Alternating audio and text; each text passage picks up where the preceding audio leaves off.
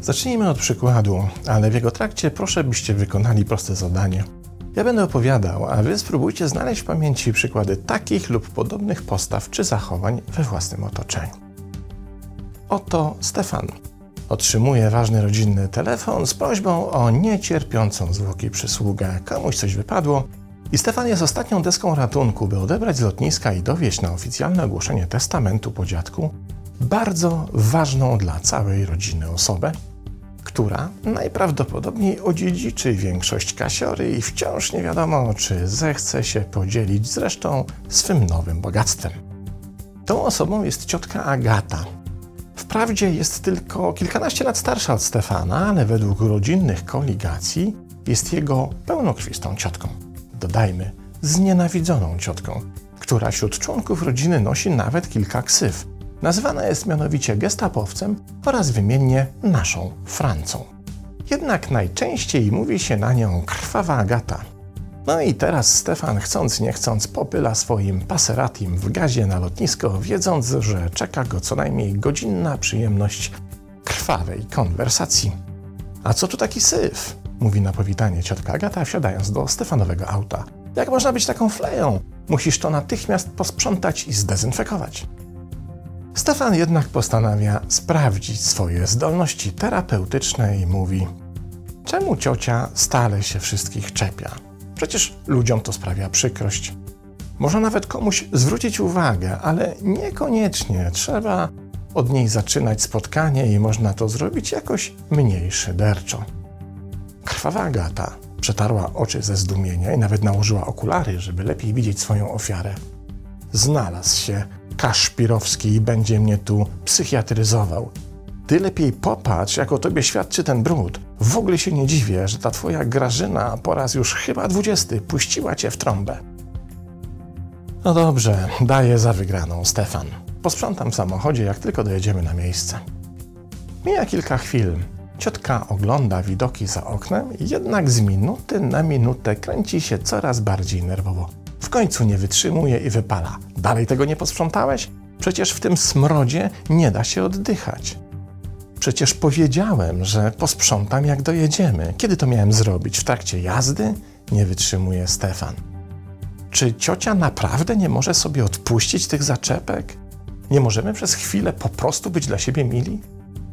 No dobrze, mówi polubownie krwawa Agata i zatapia wzrok w swoim telefonie. Chwila ciszy no może ze dwie chwile.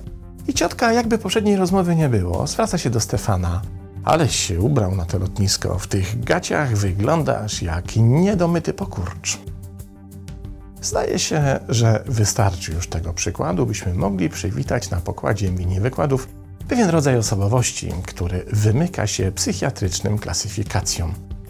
Dr Seth Meyers, psycholog kliniczny, autor dwóch książek badających struktury naszych relacyjnych powiązań, Nazywa tę osobowość osobowością dokuczliwą lub dręczącą. Obydwa zaś te słowa na tyle dobrze oddają to, o czym mowa, że my pozostaniemy przy nazwie osobowość dokuczliwie dręcząca. Uznaje się, że mimo braku opisu tej osobowości, w oficjalnym podręczniku diagnostyki i statystyki zaburzeń psychicznych łączy ona w sobie zarówno cechy osobowości pasywno-agresywnej, o której opowiadałem w odcinku 153, oraz przejawia zachowania zbieżne z diagnozowanymi u zaburzeń obsesyjno-kompulsywnych. Jednak to, co najistotniejsze, to to, że tego typu osobowości są przez nas zazwyczaj błędnie oceniane. Kiedy ktoś na przykład regularnie nas dręczy, nieustannie wynajdując jakiś rodzaj naszej winy, wskazuje palcem na uchybienia i wiecznie narzeka na rzeczywistość, zazwyczaj uznajemy, że ten ktoś tak po prostu ma, bo lubi. Mówimy nawet, ona lubi podgryzać, on to uwielbia dokuczać. Ona lubuje się w wysuwaniu oskarżeń i jak tego nie robi, to jest nieszczęśliwa. Problem jednak w tym, że motywacja osobowości dokuczliwie dręczącej jest dużo bardziej skomplikowana i niestety wymyka się temu, co klasyfikujemy jako robi tak, bo lubi.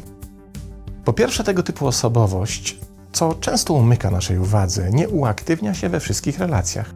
Na przykład taka osoba nie dręczy ludzi, których nie zna lub widzi po raz pierwszy. Dokuczliwość zaczyna się ujawniać, a właściwie energetyzować wraz z przejściem relacji od strefy obcości i wynikającego z niej dystansu do strefy bliskości pozbawionej początkowego zdystansowania. Moglibyśmy powiedzieć, że im bliższa relacja, tym bardziej takiej osobowości puszczają hamulce. I to jest pierwszy fundament potrzebny do aktywizacji tego typu osobowości.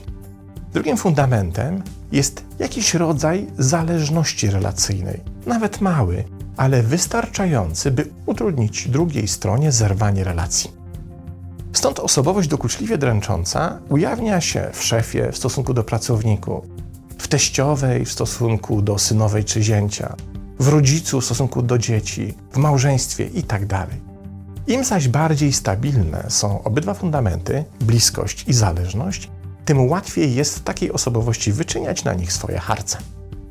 Kiedy próbuje się zdefiniować taką aktywność od strony zaburzeń, to okazuje się, że wachlarz tych zachowań jest na tyle duży, że sumaryczne wnioskowanie wymyka się możliwości prostych rozróżnień. Stąd też uznaje się, że najlepszą definicją tego typu zaburzenia jest ocena wpływu, jaki wywierają tego typu osoby na swoje otoczenie. Jeśli wśród reakcji pojawia się irytacja i niepokój jako stałe uczucia towarzyszące interakcjom z taką osobą, to jest to pierwszy sygnał pozwalający nam ustalić, że właśnie z tego typu osobowością mamy do czynienia. Kolejnym czynnikiem, który pozwala nam przybliżyć się nieco do zrozumienia funkcjonowania osobowości dokuczliwie dręczącej, jest jej motywacja. Otóż, jak już wspomniałem, mylimy się sądząc, że ktoś taki robi to, co robi, bo lubi tak robić i takim być. Tego typu osobowość dręczy i dokucza, ponieważ to jedyny przez nią uznawany sposób na poradzenie sobie z nieznośnie dokuczliwym napięciem, które odczuwa i którego jednocześnie systemowo nie toleruje. To na przykład sytuacja, w której w emocjonalnym systemie osobowości dokuczliwie dręczącej pojawia się frustracja, czyli nagromadzenie negatywnych emocji powstałych na skutek odkrycia braku możliwości zrealizowania jakiegoś celu. I tutaj mogą wchodzić w grę najprostsze schematy poznawcze. Widok pustego papierowego kubka po kawie w samochodzie oznacza dla takiej osoby, że wnętrze samochodu jest brudne i niezadbane. Jej zaś zdaniem powinno być inaczej. Powinno się pozbyć kubka natychmiast po wypiciu kawy. Zatem jadąc w samochodzie i patrząc na kubek, zaczyna się w niej pojawiać nieznośne napięcie pomiędzy celem, jakim jest czysty samochód, i brakiem możliwości jego realizacji. Na przykład nie ma gdzie wyrzucić kubka, a właściciel samochodu się do tego nie kwapi. Wówczas, z punktu widzenia takiej osobowości, jedynym sposobem na obniżenie tego napięcia jest dokuczenie właścicielowi samochodu. I co ciekawe, to, że właściciel samochodu obiecuje uprzątnięcie kubka na najbliższym postoju, wcale nie rozwiązuje sprawy. Dyskomfortowe napięcie będzie się dalej utrzymywało w systemie, ilekroć taka osoba spojrzy na kubek lub ilekroć sobie o nim przypomni. A to powoduje, że mimo obietnic właściciela o posprzątaniu, który uznaje sprawę tym samym za załatwioną, nic nie jest załatwione.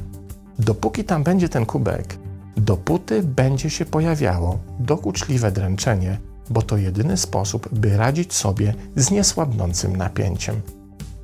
Dopiero zatrzymanie samochodu i pozbycie się kubka rozwiąże problem. Jednak, jak się domyślamy, to jedynie rozwiąże problem kubka, a nie całego systemowego napięcia.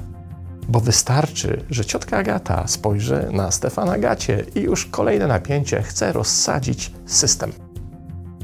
I tutaj wkraczamy do drugiego obszaru motywacyjnego osobowości dokuczliwie dręczącej.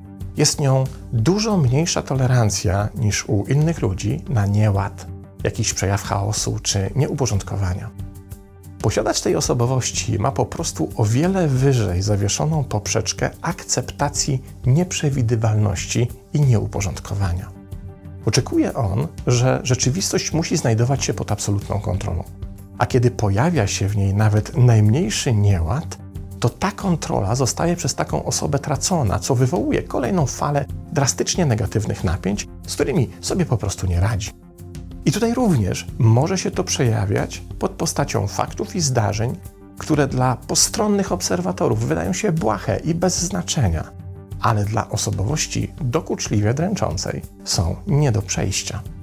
Wówczas ponownie jedynym sposobem, który taka osobowość dostrzega na pozbycie się napięć, jest dokuczenie i dręczenie innych, co oczywiście niewiele daje, bo mimo tego dręczenia napięcia nie opuszczają systemu, a nawet jeśli ulegają jakiemuś zmniejszeniu, to i tak w ich miejsce szybko pojawią się nowe. I pamiętajmy, nie chodzi tutaj o sam proces dręczenia innych w jakimś konkretnym celu, co jest częstą techniką psychopatów, ale wyłącznie o dokuczliwość jako regulację w ramach nieradzenia sobie z własnym systemem. A ta nie wybiera swoich ofiar. Dostaje się wszystkim tym, którzy mieszczą się w bliskości relacji i jakimś stopniu zależności. No dobrze, co zatem zrobić w takiej sytuacji, kiedy taką osobę ma się wśród najbliższych i chcemy ją zmienić, czy jej pomóc, by jakoś jej ulżyć? Ale co najważniejsze, by uratować przed nią otoczenie, które ma jej serdecznie dosyć i to całkiem słusznie. Tutaj niestety nie da się zrobić niczego, dopóki taka osoba sama nie odkryje, że stanowi problem nie tylko dla samej siebie, ale też dla swojego najbliższego otoczenia. Dopóki tak się nie stanie, to i tu badacze zjawiska z doktorem Meyersem na czele są zgodni. Najlepiej usuwać się z drogi, unikać rozbudowanych zdań, bo one prowokują powiększenie napięcia i liczyć na efekt zamierania, czyli stanowczo i bez emocji stać przy swoim, bo w końcu nawet najbardziej zagorzały dręczyciel tę konkretną kwestię odpuści.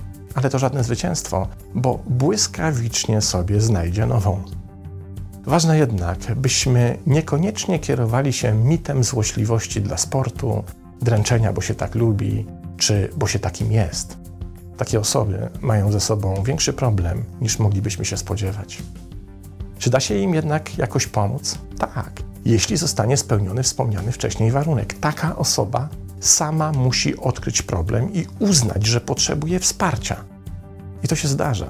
W końcu o tym, że tego typu aktywność nie jest aktywnością dla sportu czy ulubionym zajęciem, a desperacką próbą regulacji systemowych napięć Wiemy właśnie od osób, które z takim problemem zwróciły się po terapeutyczną pomoc. Pozdrawiam.